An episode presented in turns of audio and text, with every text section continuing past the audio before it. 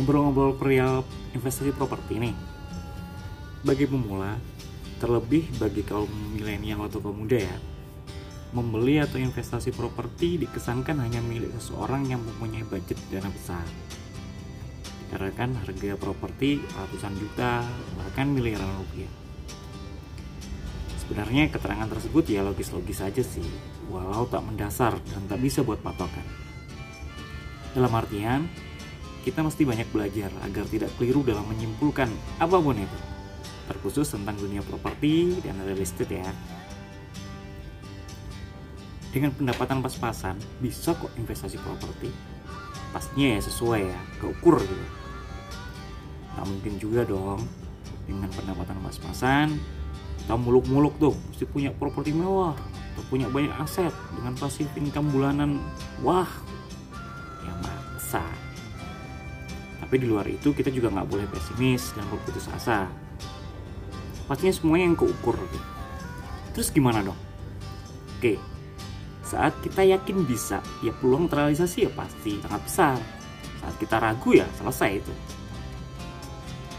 Terlebih dalam prosesnya kita sungguh-sungguh ya. Siapa yang sungguh-sungguh ya dapat yang dia perjuangin gitu. Secara sederhana bisa saja kan kita menyiapkan tabungan khusus untuk membeli atau investasi properti dengan menyisihkan pendapatan kita. Beberapa rupiah per hari per minggu atau per bulannya. Pastinya secara istiqomah. Entah 10 ribu, entah 100 ribu, entah berapa. Ya semampunya. Pastinya komitmen. Untuk buat nabung ya nabung gitu. Nggak buat, buat lain-lainnya gitu. Nah kalau nabung segitu kan jadi lama. Ada pertanyaan tuh. Lah kalau nabung cuma 10 ribu per bulan apa per minggu kan lama tuh sedangkan harga properti kan naik terus gimana dong untuk itu ya kita mesti perbaiki diri dan memperkualitaskan kinerja kita hari demi hari meningkatkan integritas, mentalitas, mindset, kreativitas dalam bekerja agar sebab akibat atas hasil kerja kita juga meningkat dan berkualitas. Pasti dong, proses maksimal juga hasilnya maksimal. Prosesnya berkualitas, hasilnya juga berkualitas. Otomatis tuh keseimbangan hukum alam ya sebab akibat. Atau bisa juga dana yang sering keluar untuk rekreasi, nongkrong-nongkrong di kafe, makan-makan di luar di restoran, atau foya-foya senang-senang lainnya ya dikurangi lah dan dialihkan menjadi tabungan untuk investasi properti nih ngomongin dana untuk seneng-seneng nih lucunya ya fenomena kita nih. Nggak bisa dinafikan nih. Banyak dari kita saat untuk seneng-seneng foya-foya beli-beli yang nggak penting dana itu ada aja. Ada aja anggarannya tapi untuk kebutuhan dan hal-hal penting yang bermanfaat malah keteteran. Ujungnya ngeluh nyalakan sana sini bukannya malah introspeksi dan evaluasi diri. Ini sering ya sering ya. Nyatanya kan ada aja kan yang seperti itu. Kalau emang kenyataannya banyak nih pastinya kita jangan gitu ya super fam ya oke di video kali ini kita akan nge-share tips-tips dari pengalaman kami berinvestasi properti dan pengalaman selama pendampingan klien-klien investor kami ya. Oke, selain niat, doa pastinya ya diimbangi dengan ikhtiar ya.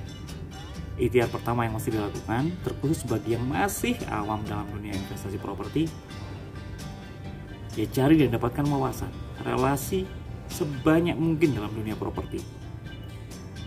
Entah wawasan perihal tanah, rumah, legalitas, perspektivitasnya, KPR, atau bahkan sekalian aja bergabung jadi agen properti secara langsung.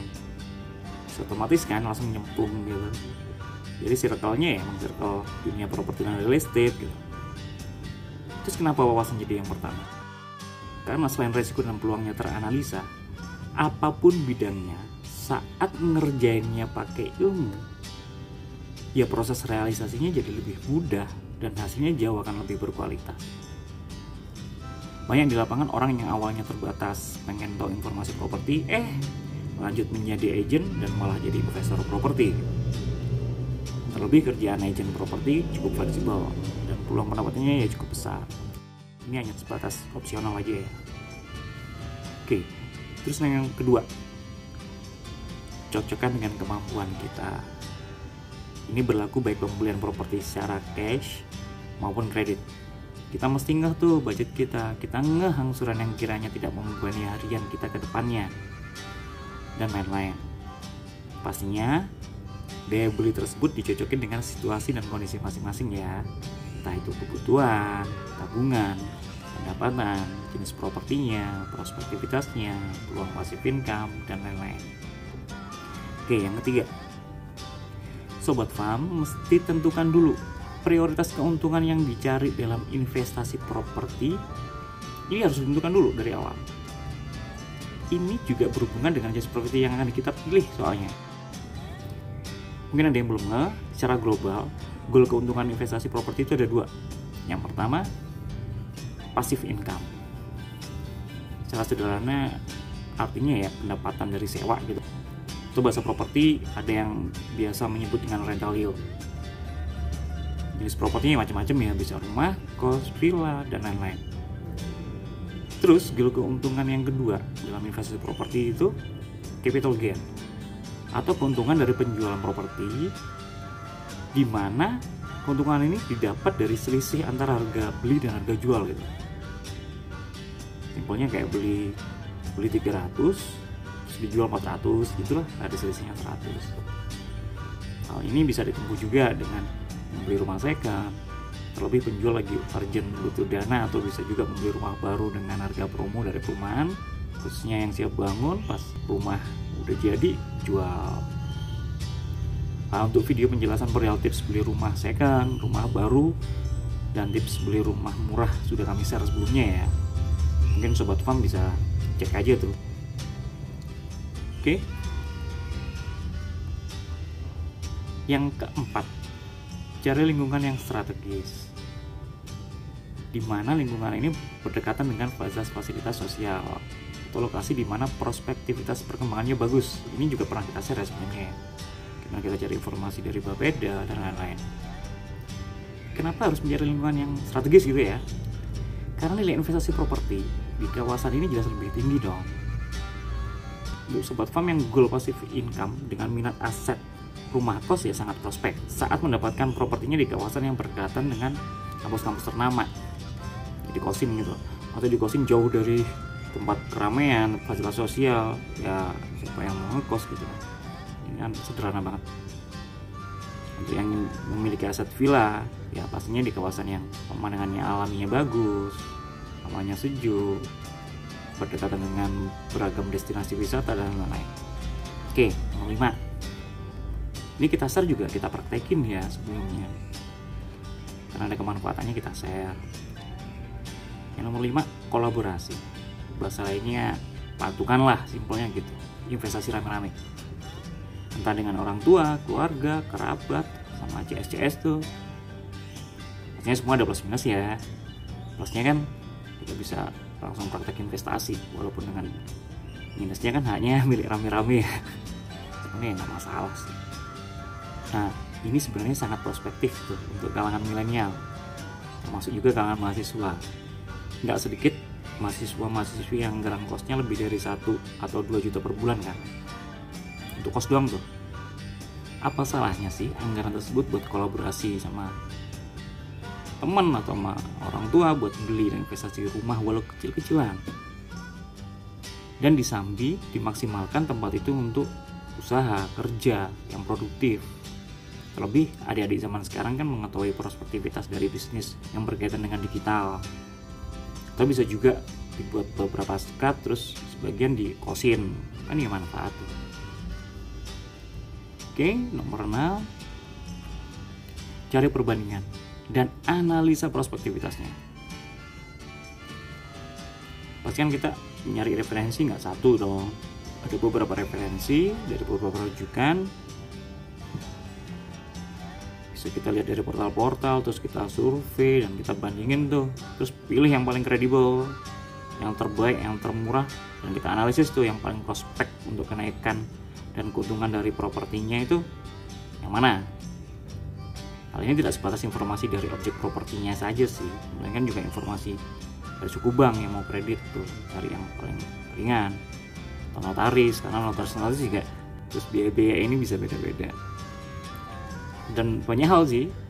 Pastinya yang berkaitan dengan properti kita bandingin gitu. Dan kita analisis mana yang terbaik. Simpelnya seperti itu sih.